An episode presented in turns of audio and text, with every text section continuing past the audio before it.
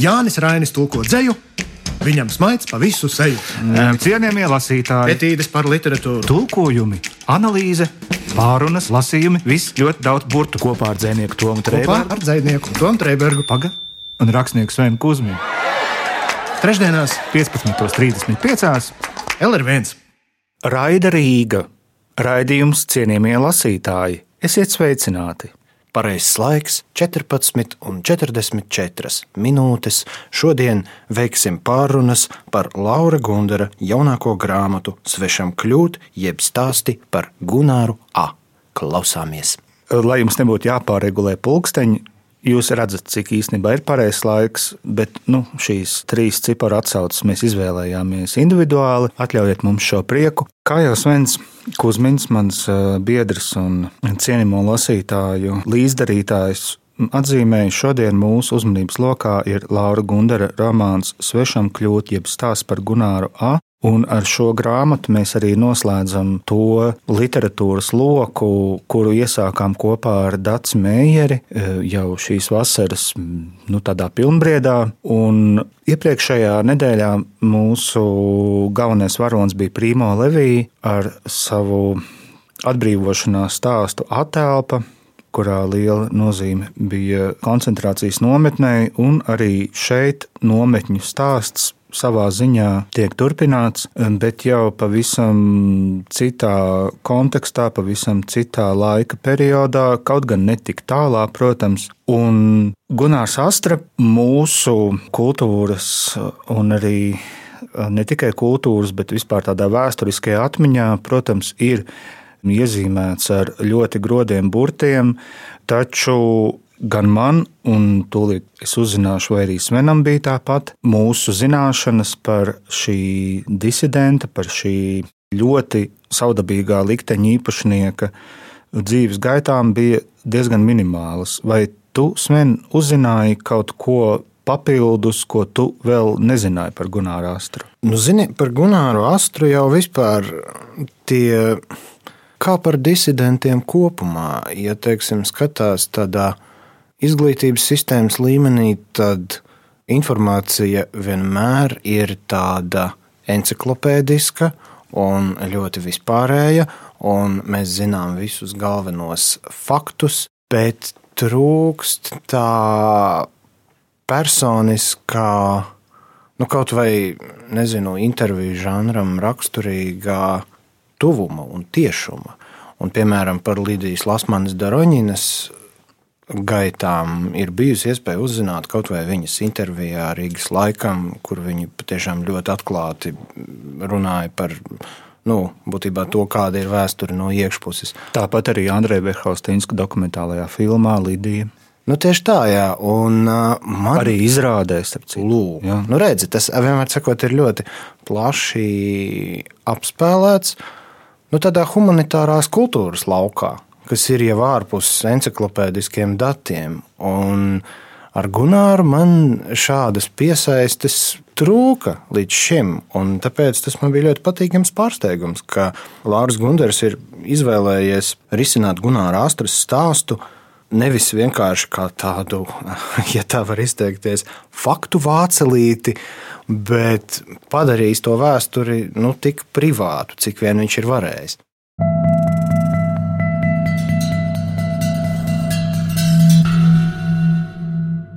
Tev šajā atziņā pievienojas arī Gustavs Strēnga, Oh, labi. kurš uz tātad, grāmatas 4. vāka atzīst, ka viņam ļoti simpātiski šķiet Laura Gundara autobiogrāfiskā skatījuma prizma, viņa godīgums pret sevi.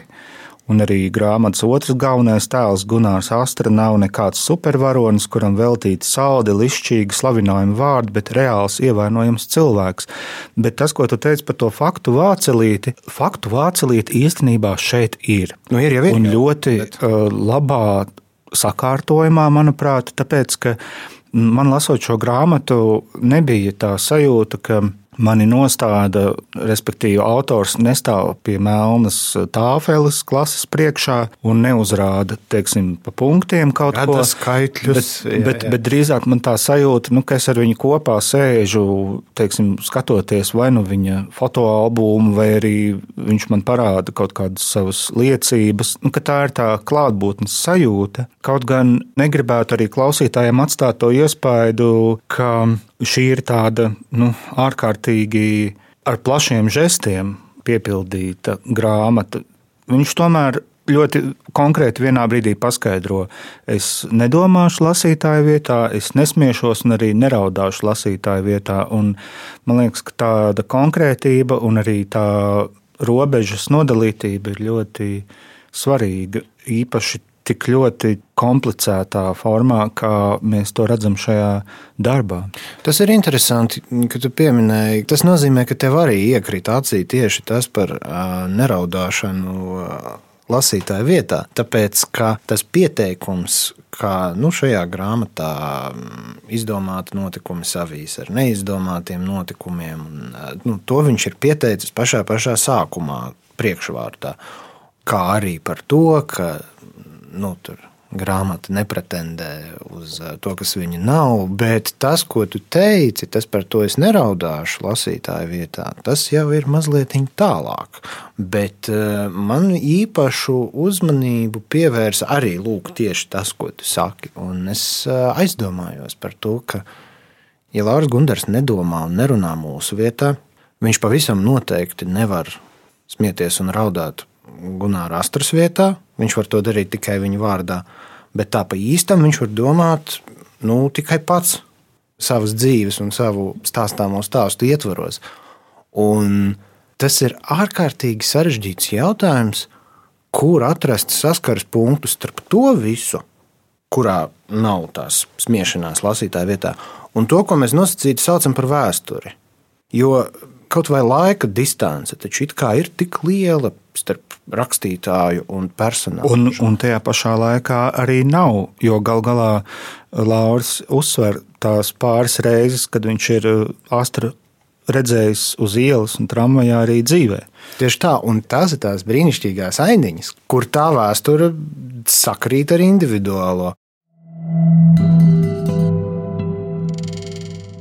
Pirmā aina laikam bija īpaši spilgta, kur viņi brauc ar uh, izlaiduma kuģīti gar Lucavas salas krastu, un ir jau ļoti pamatīgi iešvilpuši lētus vīnus zem diviem rubļiem, kas maksā, un pēkšņi skatās, tur sēž makšķernieks krastā un grib, lai visi viņu liek mierā. Un tad viņi met to vīnu pudeli tam makšķerniekam. Un, un viss iekrīt, iekrīt tur, kur tas iekrīt. Ja. Jā, un viņam bija tāds interesants pieņēmums, ka laikam jau tam makšķerniekam nebija āķa. Viņš vienkārši nu, sēdēja, izliekoties, ka makšķerē, lai pasauli liktu viņu mierā. Tas, tas man likās tā ļoti sirsnīgi.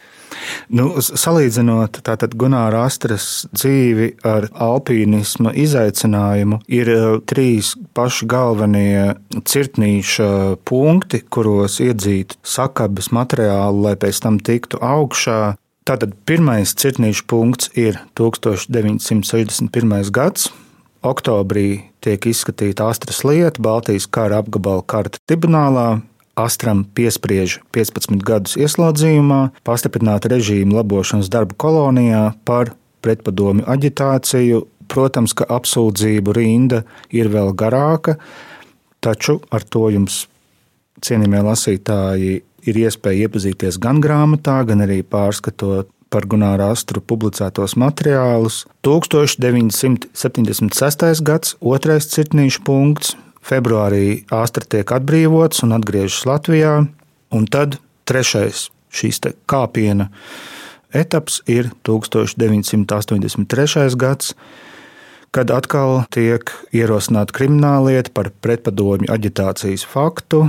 Janvārī tiek veikta kratīšana gan jau mums iepriekš minētajai Lidijai Lasmanai Daroņinai, gan Ģedartam Melngālim, Jānim Vēberim un arī Gunāra Astras dzīvoklī. Un tātad atkal ziemā, 1983. gadā, Latvijas PSR augstākā tiesa piespriež septiņus gadus ieslodzījumu sevišķi stingra režīma labošanas darba kolonijā, un kopumā pārskatot to aizvadīto dzīvi, Gunārs Astra 19 gadus ir pavadījis ieslodzījumā. 19 kopumā. Kopumā, jā. jā, jā. Nu, un tad sako rehabilitācija 1992. gada beigās. Lai nedaudz izgaisinātu šo nepieciešamo, bet uh, pietiekami drūmo uzskaitījumu, viena no vērtīgākajām lietām, kas šajā grāmatā, kuru es pamanīju, bija tā, ka padomju varas represiju mehānismi mūsu skatījumā, protams, ir ārkārtīgi drakoniski, necilvēcīgi, un šajā grāmatā netrūkst ļoti depresīvu epizodu. Būtībā kaut kas ļoti tuvu tādām masu iznīcināšanas uh, ilustrācijām, bet es gribētu nolasīt uh, vienu epizodi, kurā arī šajos apstākļos notiek teiksim, caitgaista virmošana, uh -huh. kurā pasaule, lai arī viņa ir ārpusē, Un ne jau tikai Mordvija, jeb Mordovija, nu, tur dažādi varianti, kā nosaukt uh, šo teritoriju. Ne jau Mordora. tikai, jā, vai arī atcaucoties uz Tolkienu, Mordoru. Ne, ne tikai šajās vietās tā ārējā pasaule kaut kā cirkulēja cauri, bet uh, arī, arī citur tas tā notika.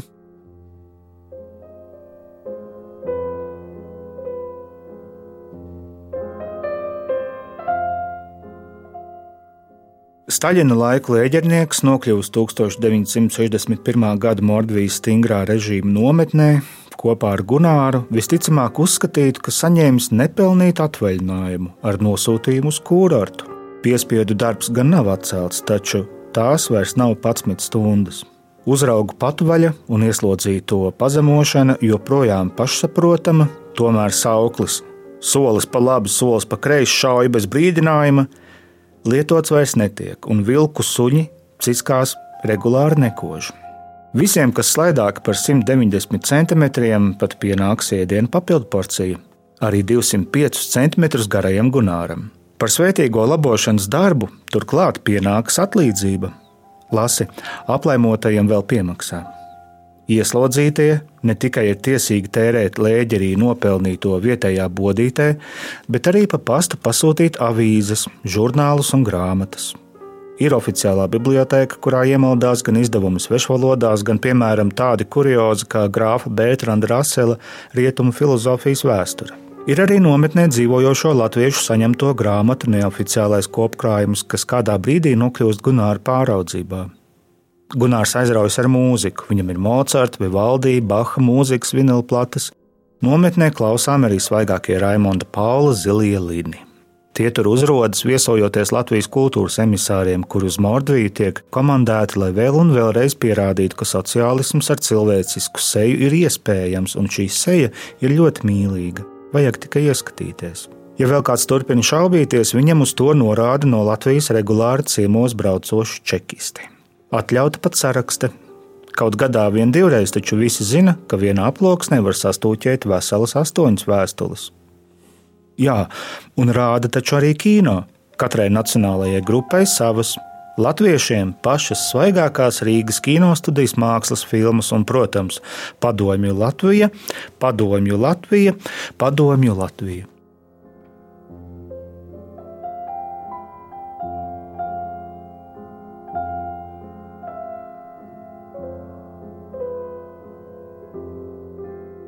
Cienījamie lasītāji, padomju Latvija un Mordovijas lēģeri noteikti nav vienīgā šīs grāmatas daļa. Nu, man šķiet, ka tas ir tāds svarīgs moments, kas par šo grāmatu ir jāpasaka. Jā. Tā ir tāda, varētu teikt, viena šķautne no kaut kādas tādas lielākas domas konstrukcijas, ko Gunārs šeit ir izveidojis. Jo viens no, ja mēs skatāmies uz literāru darbu kā uz kompleksu sistēmu. Jā, kā uz eh, mākslas darbu ar vairākiem, bieži vien ļoti atšķirīgiem mākslinieciskiem un ideiskiem virsmērķiem, tad viena daļa no šī stāsta ir Gunāra Astras stāsts, kas atstāstīts tādā non-fiction, jeb kā latviešu to gluži oficiāli pieņemts saukt nepļāpu žanrā. Bet tas, kas vēl ir iekļauts šajā kompleksā, tad ir ainas no paša autora padomju jaunības un gaitām kā jaunajam režisoram un tā tālāk un tā joprojām. Un es jau tur arī no viņu vecāku pieredzes. Un ģimenes vēsture. Tā ir vēl viena šķautne. Tātad, ja. Un es tā ilgi domāju, patiesībā, ja man būtu kaut kā jānoraksturo, kas tad ir šie mērķi, ar kuriem visas tās lietas saslēdzas kopā, tad beigās es nonācu pie tādas interesantas atziņas. Nu, labi, zināt, vēstures datums tas ir viens, bet tas nav tas pats, kas saprast vēsturi. Nākamais līmenis varētu būt saprast vēsturi ne tikai datumos, bet arī nu, ar kaut kādiem tur, mm, sociopolitiskiem aspektiem vai ar, nu, ar izpratni par mehānismiem, kas to vēsturi darbina. Bet vēl nākamais līmenis aiz tā ir saprast to, ka, ja mēs runājam piemēram par nācijas vēsturi, vai par valsts vēsturi, vai par nu, tādu valstu kopumu, kāda bija Padomju Savienība, kopējo vēsturi, tad um, pārsteidzošā kārtā tā vēsture ir ārkārtīgi privāta lieta. Neskatoties uz to, cik uh, daudz cilvēku ir viņā iesaistīti. Un vēl jau vairāk tā vēsture, kas ir privātā lieta, viņu pat laiks īsti neierobežo. Un pat ja to saskares punktu, kuros Lārs Gunders ir ieraudzījis Gunāru Astru, nav starp citu zināms, vai viņš viņu tiešām ir ieraudzījis. Varbūt tās ir tās iztēles ainas, ko viņš reklamē grāmatas sākumā, ka tur būs. Viņš to nesaka. Man šķiet, ka tā privātā puse vēstures izpratnē ir tieši tas, kas mums var sniegt kaut kādu ieskatu tajā, ko mēs vispār kā cilvēki ar to visu varam darīt, ar to informāciju, ko mēs varam saprast par sevi no tā visa, par savām varbūt ģimenēm vai eh, nezinu, biogrāfijām kaut vai. Es tā kā šausmīgi gari uh, stāstu par to visu, jo nu, tā nav vienkārši tēma, patiesībā sakot, ko es mēģinu iezīmēt.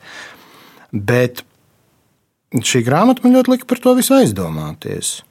Nu, piemēram, padomā, ja tu paņemtu no savas ģimenes ne, stāstus, kas ir notikuši pirms tevis, 40. gados, 30. gados, un tad tu paņemtu sevi šodien, kā cilvēku, kurš būtībā dzīvo uz tās vēstures pamatiem. Nu, kur tu atrastu to latviešu izsakoties konekšanu starp sevi un viņiem? Nu, es tev tagad uz to nevaru atbildēt, bet uh, jautājums ir uh, ļoti labs, protams. Ja. Tas ir kaut kas, par ko nesenāk tā gluži aizdomāties. Nu, kā vēsture bija tāda, tagad ir tagad, bet uh, Gunārs Kokā ir baigi forši noķēris to, ka vēsture jau nepieder pagātnē. Stāsts mums šobrīd ir par Laura Gundara debiju īsfilmas kino žanrā un par visām no tā izrietošajām sekām. Sižets aptuveni tāds.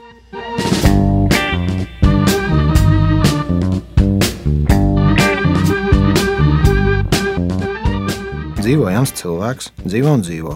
Arī kaimiņos viņam dzīvo citi ļaudis.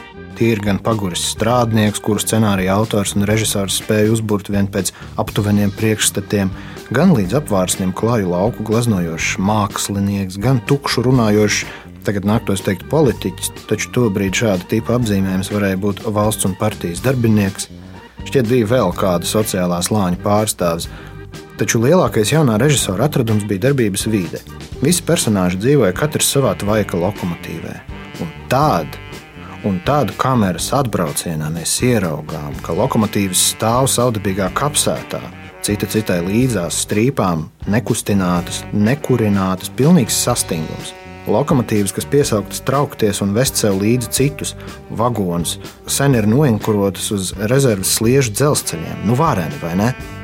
Zīmīgums par visiem tūkstošu procentiem, vēl jau vairāk tāpēc, ka piķa melnumā Vērsmaiņas tvaika mutuļus dzemdējošā lokomotīva ar obligāto sarkano zvaigzni pierē jau pusgadsimtu bija viens no galvenajiem darbaļaužu valsts simbolikas elementiem, kas tāds, kas simbolizē uz priekšu visu zemju proletariātu. Bet sižets vēl turpinās. Pēc nosacītā partijas darbinieka runas uz sarkanās zvaigznes fona ar skaistu ogļu lāpstu rokā filmas galvenais varonis, jauneklis, sadusmojas, tver to pašu spodro lāpstu un ņemas mest lokomotīvas kurtuvē īstas melnas ogles, un tad viņš brauc. Viņš traucas, viņš izraujas no drūmās kapsētas. Tikai brīdi pabraukusi, viņa lokomotīva nonāk tieši tādā pašā lokomotīvas sastrēgumā, no kāda tikko izrausies filmas beigas. Nu, drosmīgi taču, vai ne? Man tā teica. Taču tikai no šodienas var atjaust, ka tas bija viens ērts un nekaitīgs padomju brīvdomātāja šablons. Tādu drosmi piemēru ir desmitiem, simtiem tādu drošu drosmju. Ar visu nepateiktās, bet tik vienam saprotamās informācijas slāni, kas jau iepriekš šeit analizēts, tulkojot sērīgā Lucavas makšķerētāja ainiņu. Atkāpe Ja slavenā VF darba ļaužu kalpotāja statusā man izdevās gan īstu lokomotīvu dabūt, gan atļauju no dzelzceļa čekas nodaļas, gan brīvus liežu ceļu izkārtot, bet lokomotīvi desmiti stāvēja ieriķu stacijā, kā vēlāk izrādījās, tās nebūtu nebija pamestas, bet gan iekonservētas iespējamam kara gadījumam, atkāpes beigas. Arī amatieru kino sistēmā, protams, bija drošības komitejas kurators, taču ģenerālsekretāra Brežņeva ēra bija tik miegains laiks, ka šis cilvēks bija nogulējis visādi talantīgās mikrofona galvas kino, un filmiņai tika piešķirta gada skatuves galvenā balva, un tad vēl arī dažas mazākas balviņas, kamēr kurators joprojām nebija modies. Filma tika aizsūtīta uz pašu Ļeņingrādu, kur visas PSRS mēroga festivālā saņēma tik skaistu un simbolisku balvu, kāda tās autoram pat sapņos nevarēja rādīties. Eleganti savijusies misiņa filmas, lente ar lauru lapām un iegravētu autoru vārdu zem caurspīdīga stikla kupola dārza spaiņa lielumā. Autors, protams, to vakar līksmoja, nedomājot par rīta paģirām, bet nebija viņš vēl lāgā piemidzis, kad pie viesnīcas numuriņa durvīm klauvēja. Uz sliekšņa stāvēja viens no izcilākajiem padomju Latvijas kinorežisoriem, bet viņa seja nevēstīja par vēlmi mani sveikt.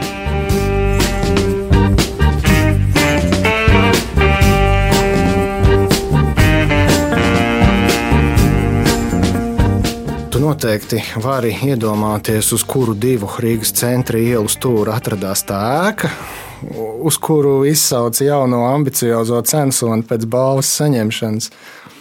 Mm, pēc tam, kad balva tika saņemta, jā. jā, jā. Um, Cienījamie lasītāji, šodien mēs uh, lasām Laura Gundara romānu Svešam kļūt, jeb stāsts par Gunāru A. Un līdzīgi tāpat kā par Primo Leviju pagājušajā raidījumā un viņa darbu attēlpa, arī šeit mēs redzam ļoti krasu varas un cilvēka konfrontāciju pat tajā ziņā, kamēr pati konfrontācija nemaz pat nav norisinājusies. Jo jebkurš totalitārs režīms diktē savu vēlmi un dara to pāri sabiedrības galvām. Labākajā gadījumā uzkāpjot uh, kādam ar papēdi, un pavisam sliktākajā gadījumā vienkārši noslaukot to, kas traucē soļot uz priekšu, sev no ceļa. Un uh, šī noslaucīšana arī šajā romānā notiek gan kā sasalusi līķu kaudze, kā apraksta to Gunārs Freimans, vēl viens no nu, varētu arī viņu nosaukt jā, par, par disidentu, par kā Lauris Gundars viņu piemin. Vēl viens otrs Gunārs, viņus ap citu notiesā vienā prāvā kopā ar Astru. Un, jā, šī varas un cilvēka sadure ir turpinājuma līkne, kuru arī mūsu raidījumā mēs esam kaut kā eh, paņēmuši kā tādu motīvu, bet man liekas, ka ļoti labi, kā pats Lāris Gundars to noraksturo, ka varonība bez saprotamām likmēm pārtop nomācošās dogmās. Un eh, ka domājot tieši par Gunāru Astru, pie viņa ir jāatgriežas pašsaprotami, nevis no abstrakta pienākumu dzīvēm. Cienījamie lasītāji, paldies, ka bijāt ar mums kopā arī šajā trešdienā, un mēs tiekamies jau nākamajā nedēļā, lai iepazītos ar kādu nevis jaunu, bet vienkārši citu tulkotāju, jo jauni tulkotāji tikko ir pabeiguši savas studijas un vēl pierāda savu varēšanu. Un labi, ka tā. Visu labu! Jānis Rainis tulko dzēju, viņam smaids pa visu seju. Cienījamie lasītāji, Etīdes par literatūru. tulkojumi, analīze, pārunas, lasījumi, viss ļoti daudz burtu kopā ar dzinieku Tomu Trēbergu ar dzinieku Tomu Trēbergu. Paga un rakstnieku Svenu Kusminu. Trešdienās 15.35. LR1.